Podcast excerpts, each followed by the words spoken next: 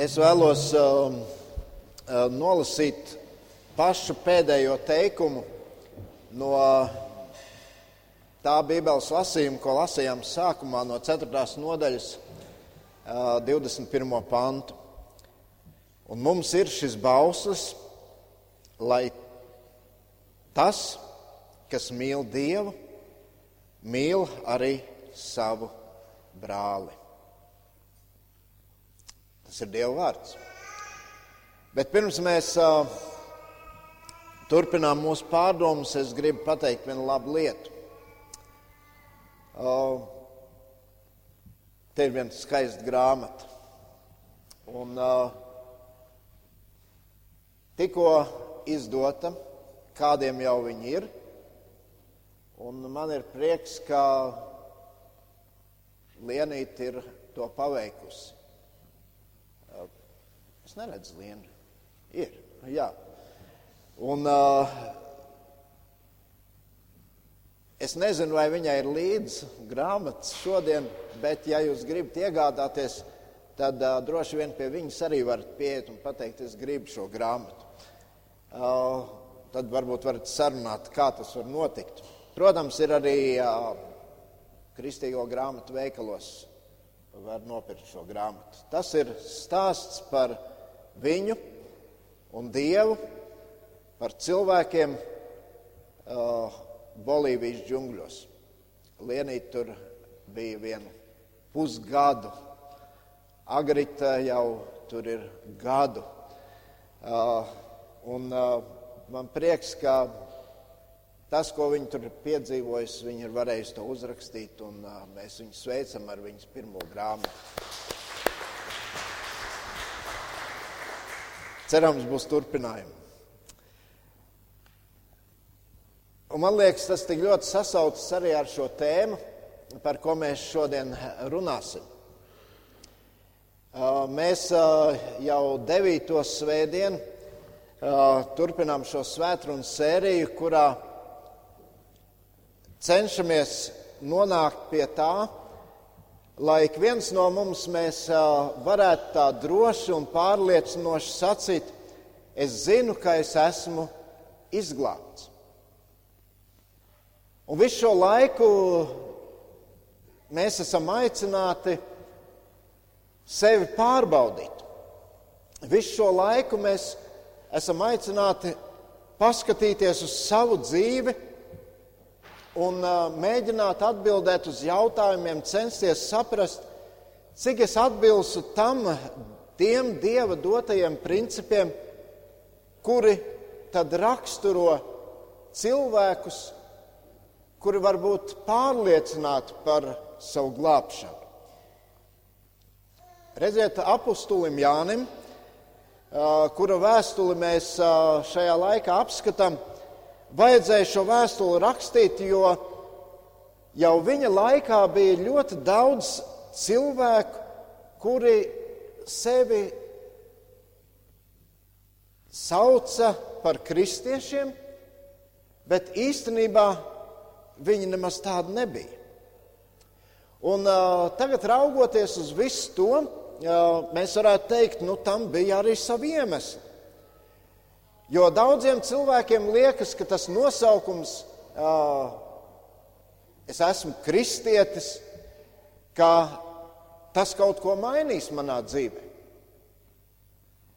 Un, uh, lai kaut kā varbūt pasvītrot to, ka es esmu kristietis, tad cilvēki bieži vien ir centušies atrast tādas uh, vienkāršākas versijas kristietībai. Ik viens no cilvēkiem ir gribējis taču nonākt debesīs. Daudziem varbūt ir ļoti svarīgi, ka viņi pieder kādai draudzēji, bet tajā pat laikā bieži vien cilvēki neuzskata par obligātām tās dieva prasības, par kurām viņi saka, nu, tas jau tā drusku par daudz sarežģīt. Tas kaut kādā veidā ierobežo manu brīvību, tas kaut kādā veidā apgrūtina manu, manu dzīvi. Un tad no apustulis Jānis raksta šo vēstuli, lai skaidri pateiktu, kas tad ir šīs īstās, patiesās kristietības pamatā. Un kā jau sacīju, mēs jau esam runājuši par astoņām lietām, un uh, Dievu, vārdu, Dieva, Dievu vārdā skatoties, mēs saprotam, tās ir neatņemamas lietas. Tas ir nepieciešams, lai mums būtu šī drošā pārliecība, jā, es esmu izglābts. Šodien mēs apstāsimies pie nākošās. Mēs domāsim par mūsu attiecībām ar cilvēkiem, jeb mīlestību uz tuvāko. Un tā jau ir bijusi viena no cilvēces lielākajām problēmām, kura aizsākās tad, kad cilvēks jau paradīzes dārzā krita grēkā. Radās attiecību problēmas. Un, kad mēs domājam par mūsu dzīvi, mēs redzam, ka ar šo problēmu mēs katrs atkal un atkal sastopamies. Tā ir lieta, ar kuru mums nākas cīnīties. Varbūt uh, vienu un, reizi, vienu un citu reizi pat zobus sakodušiem cīnīties. Jo mēs taču jūtam un piedzīvojam to, ka ja ar mūsu attiecībām ar cilvēkiem, ar mums tuviem cilvēkiem viss ir kārtībā, tad mēs jūtamies ļoti labi. Un uh, mēs teicam, es esmu svētīts savā dzīvēm. Bet tajā pat laikā e, vislielākās tādas sāpes, sirds sāpes mēs izjūtam tad, kad šīs, attie šīs attiecības nu, nav tādas, kā vajag. Kad tur rodas kādas problēmas. Un tad ir jautājums, kāpēc tas tā ir? Tad, kad Dievs radīja cilvēku, tad Dieva nodoms bija lai cilvēks dzīvotu priekš kaut kā. Vispirms, protams, priekš dieva, un arī priekš cilvēkiem, kuri bija viņam līdzās. Tāds bija Dieva nodoms. Dievs tā bija paredzējis, ka esot attiecībās, labās attiecībās, mīlestības pilnās attiecībās gan ar Dievu, gan ar cilvēkiem, Ik viens cilvēks varēs justies laimīgs, apmierināts, piepildīts, svētīts. Tad, kad Dievs radīja ievu, mēs redzam, tajā brīdī Ādams, pats pirmais cilvēks, viņu neuztvēra kā kaut kādu konkurentu. Mēs redzam, ka Ādams pieņēma ievu kā papildinājumu sev. Bet tikko cilvēks sagrēkoja, tad cilvēka apziņā ienāca šī doma, nē, man ir jādzīvo tikai priekš sevis. Un mēs redzam, ka cilvēks sāk uzlūkot otru kā kaut kādu traucēkli kā kaut kādu konkurentu. No vienas puses cilvēkam vajag citus, bet no otras puses viņš redz tikai sevi. Viņam tik ļoti gribas, lai visa pasaule griežās tikai ap viņu. Un ja tā nav, tad sāks neapmierinātība, tad sāks skandāli, tad ir apvainošanās. Un, ja mēs skatāmies cilvēces vēsturē, tad mēs redzam, ka tas ir bijis par pamatu arī, lai uzsāktu lielus karus. Un mēs redzam, ka problēma sākas tajā brīdī, kad cilvēks visu uzsvaru liek tikai uz sevi, nevis uz Dievu un uz cilvēkiem viņam līdzās. kad cilvēks patiesi nāk pie Dieva, iepazīst Dievu,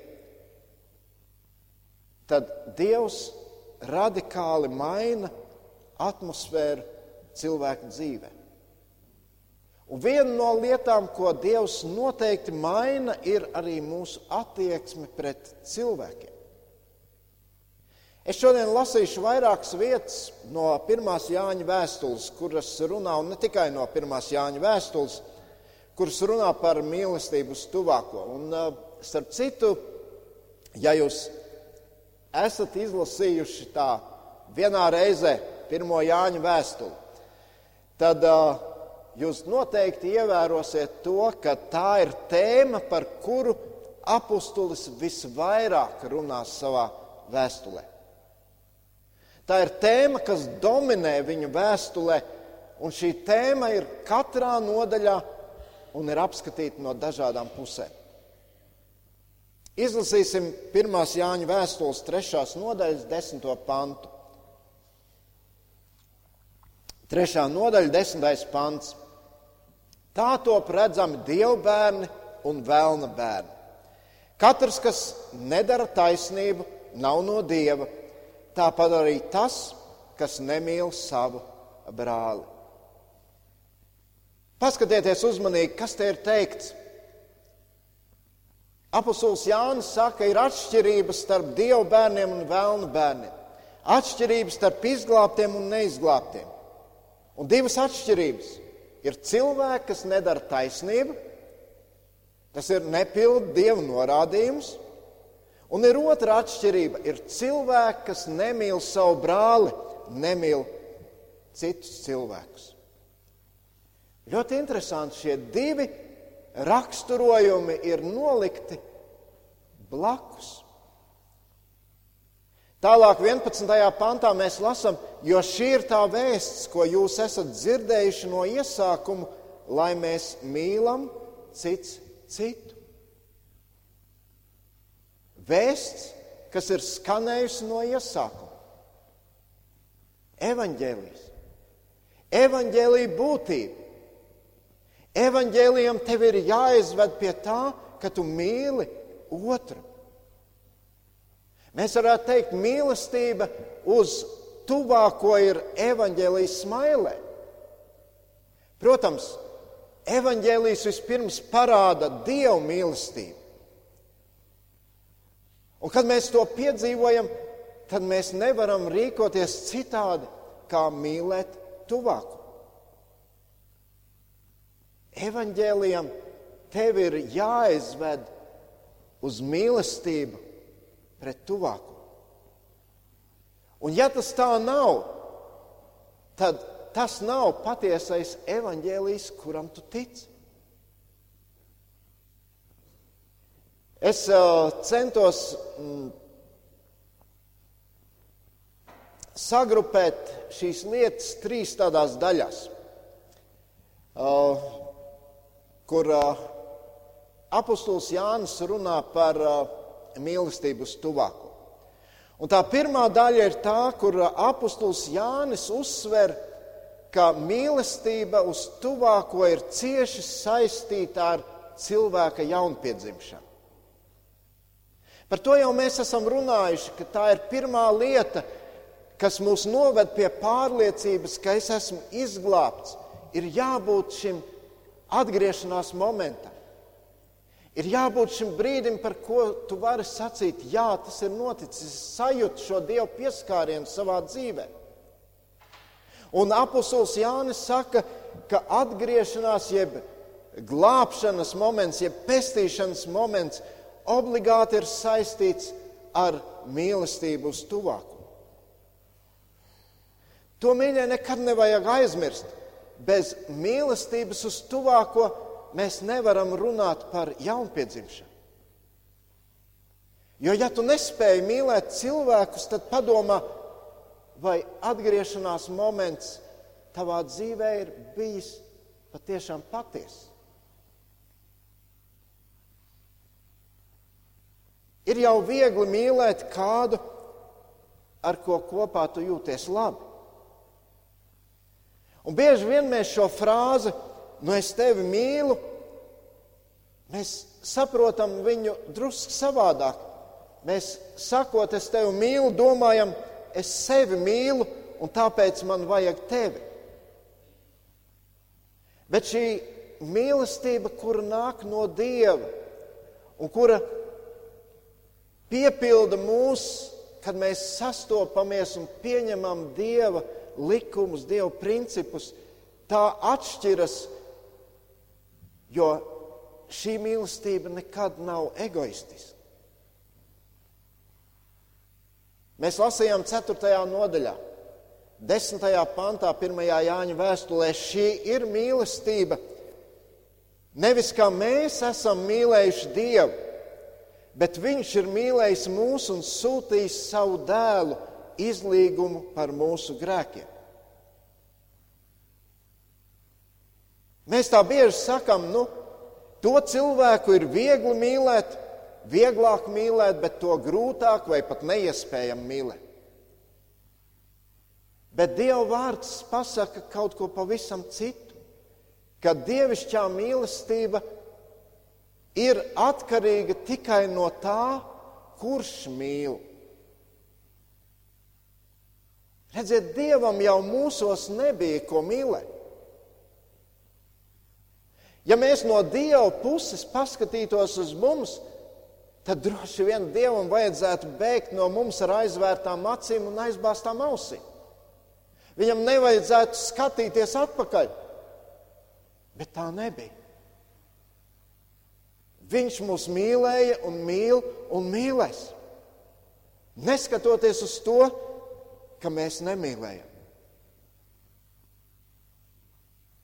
Mēs lasījām mīļotie, 4. nodaļa, 7. un 8. pants. Mīļotie, mīlēsim citu citu, jo mīlestība ir no Dieva, un katrs, kas Dievu mīl, ir piedzimis no Dieva un Dievu pazīst.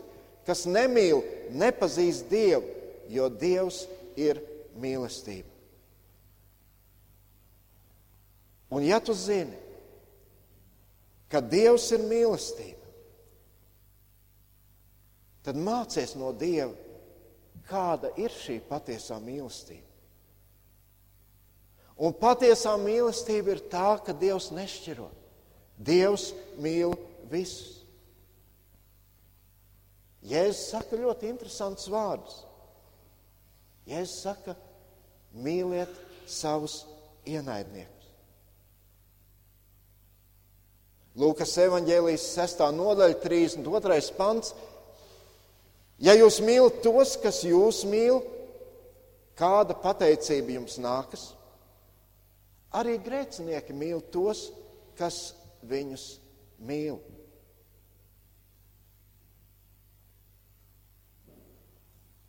Kāds mans kolēģis man uh, pastāstīja vienu labu stāstu, kas tik ļoti labi varbūt iedaras šajā brīdī.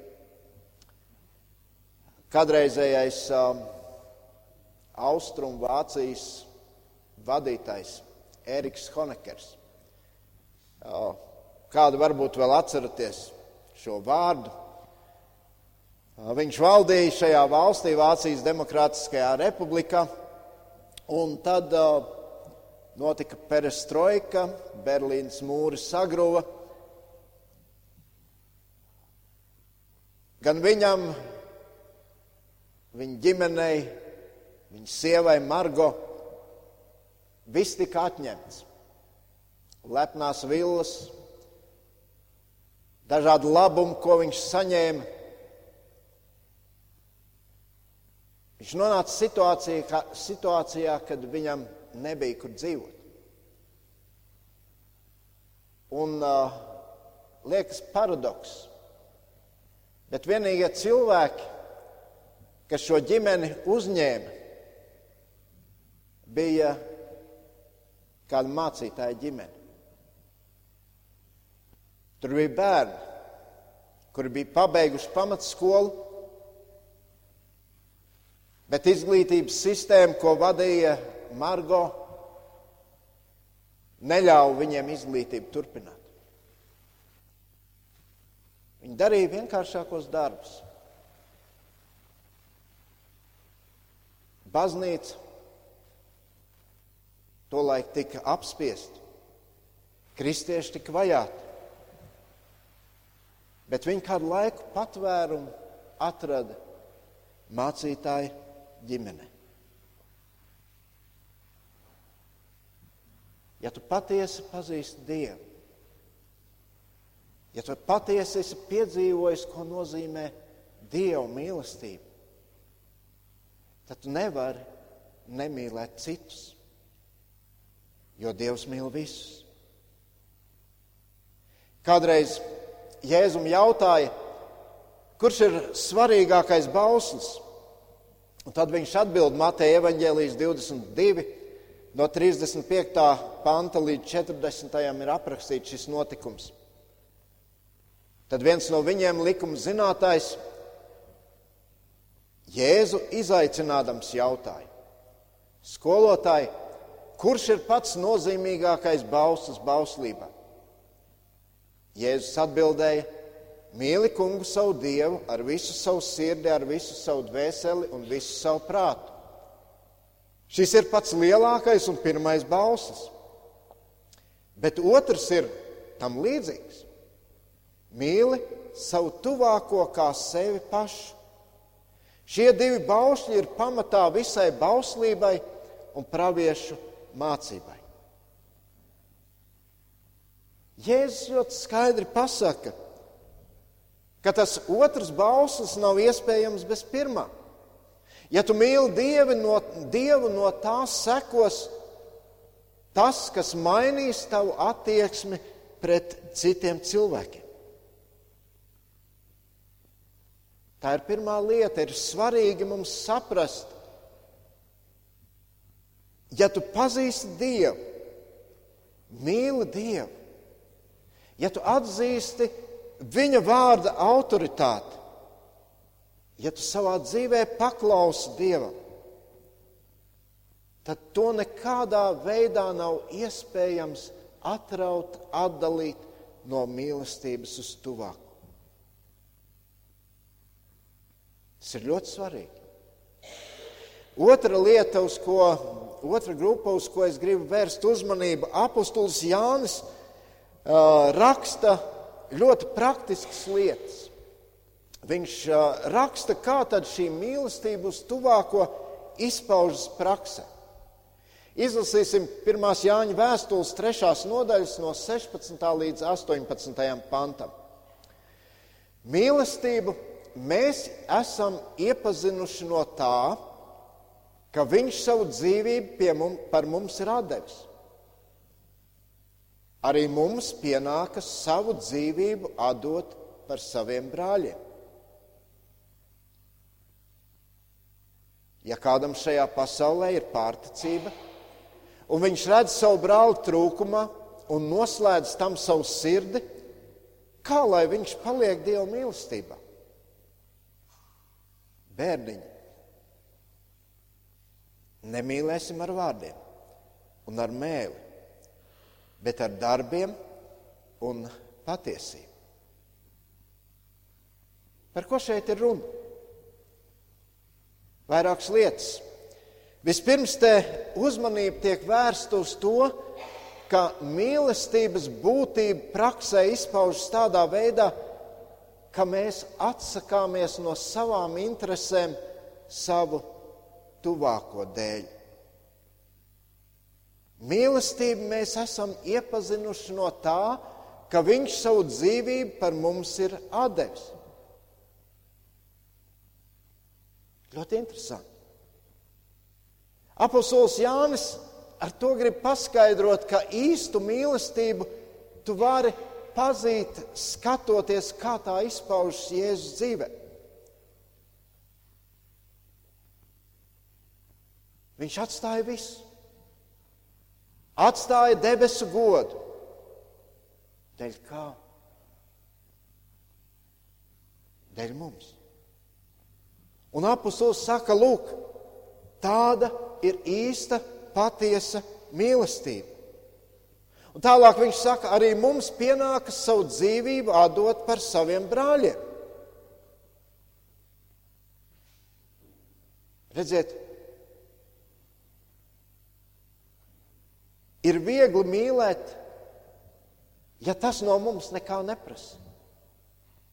Ir viegli mīlēt, ja tas mums nesagādā nekādus zaudējumus. Ir viegli mīlēt, teikt, ka es mīlu, ja tev no kā nav jāatsakās.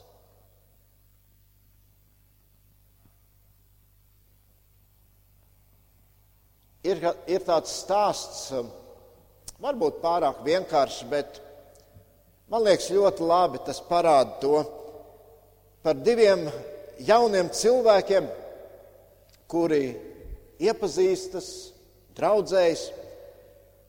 Un, kā jau tādos brīžos notiek, tad puisis centās meiteni dažādos veidos aplidot, iepriecināt.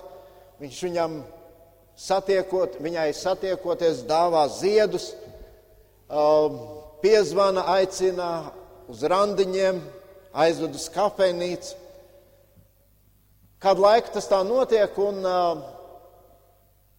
tad puisis izsaka šai meitenei bildinājumu. Bet meitene viņam atsaka. Protams, tā ir situācija, kur nav patīkama, bet šis puisis tāds sagrausts aiziet mājās, nav viņam miera, un viņš raksta meitenei vēstuli. Es tā cerēju, es tā ilgojos, Es neko nežēloju.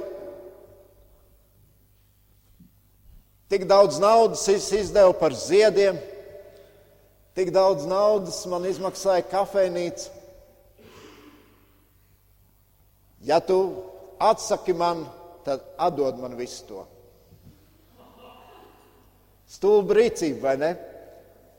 Bet tas secinājums, ko mēs, protams, jau izdarām, viņš nemaz pa īstam šo meiteni nemīlēja. Jo viņš nebija gatavs no kaut kā atsacīties. Viņš nebija gatavs, ka šī mīlestība uz kādu otru cilvēku var nest viņam arī kādus zaudējumus. Redziet, īsta mīlestība vienmēr meklēs otra cilvēka intereses. Īsta mīlestība vienmēr būs gatava atteikties no savām interesēm. Tas, protams, nenozīmē, ka man ir jāapmierina otra cilvēka kaprīzes. Nē. Kad mēs tā padomājam par tām lūkšanām, ko mēs esam Dievam teikuši, vai jūs varat teikt, visu, ko es esmu lūdzis, Dievs man ir devis? Mēs esam Dievam teikuši to, ko mēs domājam, ko mums vajadzētu. Bet Dievs varbūt domā savādāk. Tas nemazina viņa mīlestību pret mums. Apostols Pāvils arī runā par to, kā izpaužas patiesa mīlestība. Jūs varat atvērt Filipiešu vēstuli, otro nodaļu, no 3. līdz 5. pantam mēs lasām. Neko nedariet sāncensības vai tukšas slavas dēļ, bet pazemībā vērtējiet citu, citu augstāk par sevi, rūpēdamies katrs ne tikai par savu labumu, bet arī par cita labumu, lai jūsos ir tādas pašas domas kā Kristu Jēzu. Rūpējieties par citiem, tāpēc, ka Kristus tā darīja. Tas ir ļoti svarīgi. Un tāpēc man liekas, vietā mums te ir katram sev pajautāt, kā tad ir manā dzīvē. Vai manās attiecībās ar cilvēkiem, ģimenē, draudzē, draugu vidū, darbā, skolā, ir šī patiesā mīlestība, par kuru runā Dieva vārds. Otra lieta, kā praktiski izpaužas mīlestību uz tuvāko, ir, ka mēs kalpojam citiem. Ja kādam šajā pasaulē ir pārticība, un viņš redz savu brāli trūkumā un noslēdz tam savu sirdi, kā lai viņš paliek Dieva mīlestībā? Bērniņi nemīlēsim ar vārdiem un ar mēli, bet ar darbiem un patiesību. Īsta mīlestība uz tuvāko izpaužas, ka mēs pastāvīgi meklējam iespējas kalpot citiem. Un tad, kad mēs ieraugam kādu problēmu, tad vienmēr mēs jautāsim, vai man ir iespējams palīdzēt. Un mēs atkal varam paskatīties, kā praktiski šī mīlestība darbojas Jēzus dzīvē. 9. pantā mēs lasījām, 4. nodaļā, tā ir atklājusies Dieva mīlestība mūsu vidū. Dievs savu vienpiedzimušo dēlu ir sūtījis pasaulē, lai mēs dzīvotu caur viņu. Un ja mēs atgriežamies atkal atpakaļ tajā pašā sākumā, kad cilvēks krita grēkā, toreiz Dievam bija miljonus iemeslu, lai vienkārši aizsūtītu cilvēku mūžīgā pazušanā. Un Dievam nekādā veidā nevajadzēja meklēt kādus attaisnojumus sev. Bet tā nenotika. Tā vietā, lai to darītu, Dievs meklēja iespējas, lai to nedarītu. Jo tik ļoti Dievs mīlēja šo pasauli. Mēs varam teikt, Dievs nenoslēdza savu sirdi, kā mēs lasījām 17. pantā. Un tāpēc tā praktiskā lieta meklē iespējas mīlēt, nevis attaisnojums nemīlēt. Jā, citreiz tas varbūt būs saistīts ar materiālām lietām, citreiz tas būs saistīts ar laiku, ko mēs veltam, citreiz varbūt ar tīri praktisku darbu, ko mēs varam palīdzēt. Paskaties, kas var nest labumu tavam tuvākajam. Mums, domāju, ka visiem pazīstamā nodaļa, 1. korintiešu 13. Un tur no 4. līdz 8. pantam uh, apustulis Pāvils apraksta, kādas ir patiesas mīlestības īpašības. Mīlestība ir lēnprātīga, mīlestība ir laipna, tā neskauž, mīlestība nelielās, tā nav uzpūtīga, tā neizturas piedaudzīgi, tā nemeklē savu labumu, tā neskaistas, tā nepiemin ļaunu, tā nepriecājas par netaisnību, bet priecājas par patiesību tā apklāj visu, tā tic visu, tā cer visu, tā panes visu. Mīlestība nekad nebeidzas. Un vēl trešā lieta. Trešā grupa, par ko apustulis Jānis ļoti daudz runā. Viņš saka, viņš runā par to, kā iemācīties mīlēt tuvāko. Mēs teiksim, nu, Ja mīl, tad mīl. Ja nemīl, tad nemīl. Tur neko nevar darīt. Vai var iemācīties mīlēt? Ziniet, ja mēs sakam, nevar iemācīties, tad tas ir vēl viens slasts, ko pā, sā, sātans un pasaule izliek kristiešu dzīvē, sakot, ka mīlestību nevar kontrolēt. Redziet, apustulis Pāvils ļoti tieši un konkrēti saka 14. nodaļā, 1. pantā: Dzenieties pēc mīlestības, tiecieties pēc mīlestības, apgūstiet mīlestību. Un tas var notikt tikai tad, ja tu iepazīsti Dieva mīlestību. Dieva mīlestība ir tā, kas maina cilvēku ieliek viņā šo gribu mīlēt. Un apustulis Jānis saka, kā tas notiek. Viņš saka, vispirms, kad tu mācies mīlēt, maini sevi, ne citus. 1. Jāņa 40. mēs jau lasījām. Šī ir mīlestība, klausieties. Nevis mēs esam mīlējuši Dievu, bet Viņš ir mīlējis mūsu. Dievs nepiespieda mainīties cilvēku, bet mainīja sevi. Tas ir ļoti svarīgs princips. Maini sevi, lai mīlētu citus. Un katrā situācijā, kad tu sastopies ar cilvēkiem, kurus tev ir grūti mīlēt, tad man liekas, ir tik svarīgi uztvert to kā tādu treniņu poligonu, kā iespēju, kuru Dievs tev dāvina, lai mācītos mīlēt. Mēs tik bieži varbūt sakām, ah, atkal šis cilvēks. Varbūt ieraugot viņu nākam pretī, aizējām ielas otrā pusē, lai nebūtu jāsastopas. Mēģini pieņemt viņu, pieņemt kā dieva dāvanu, kur tev ir iespēja praktizēt mīlestību. Es jau minēju Jēzus vārdus Lūkas 6,32. Ja jūs mīlat tos, kas jūs mīl, kāda pateicība jums nāks? Arī grēcinieki mīl tos, kas viņus mīl. Pasaule tā dzīvo. Maini sevi, ne citus. Tad, kad tu mācies mīlēt.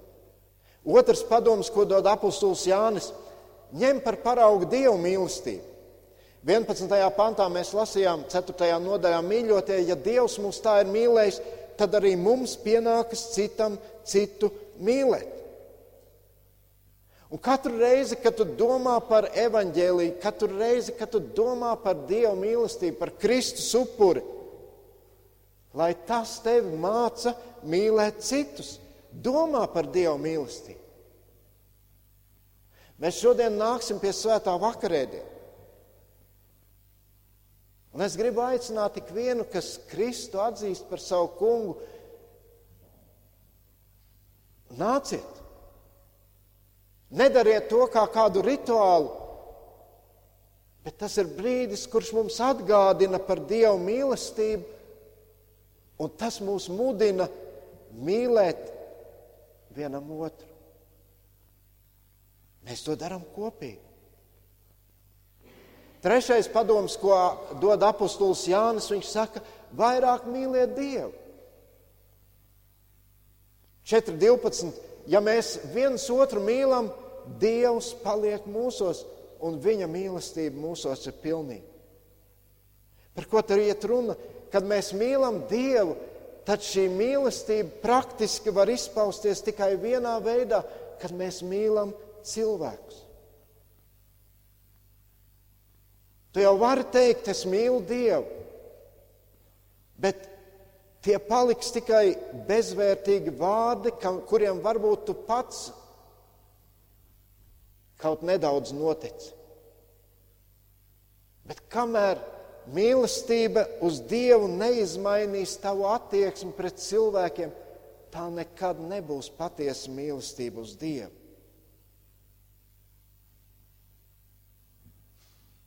Mīlestība nav nasta. Bieži mēs tā domājam, nu, ja, ja, ja man ir jāmīl kādu cilvēku, tad Nu, labi, es uzņemšos to kā smagu nastu, kuru man ir jānes. Bet vienmēr ir svarīgi atcerēties vienu lietu. Ja Dievs kaut ko mums dzīvē liek darīt, un ja mēs paklausām, patiesi paklausām, tad mēs caur to noteikti būsim svētīti. Tas nesīs svētību mūsu dzīvēm.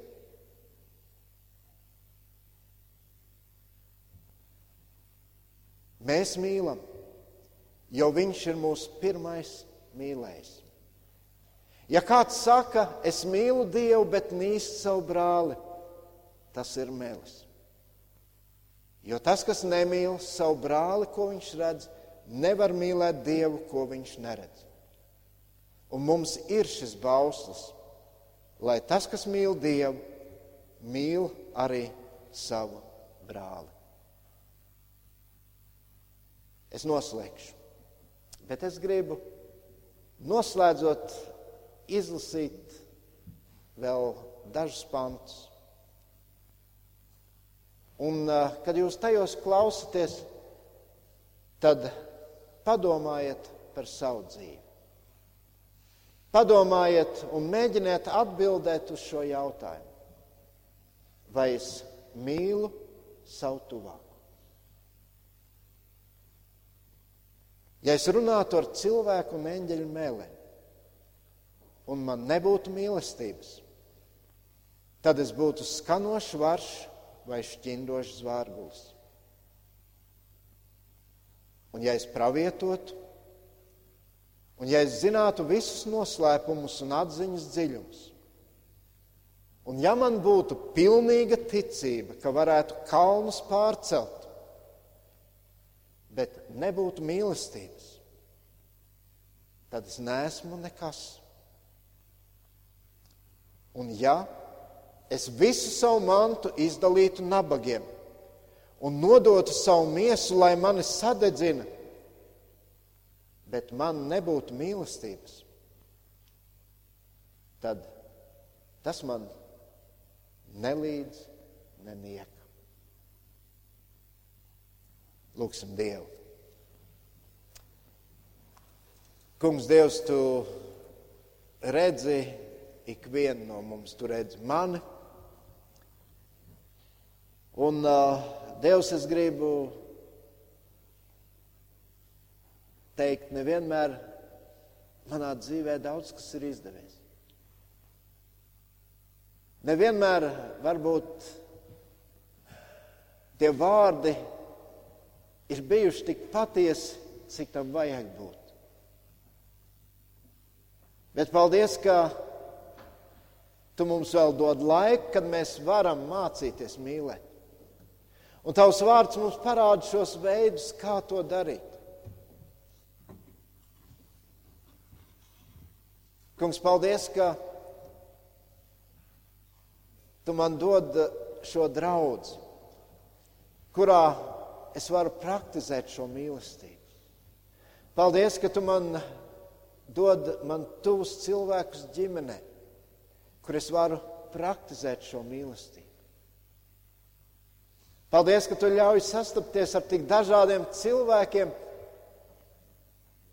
Un visi viņi mani māca mīlēt viņus.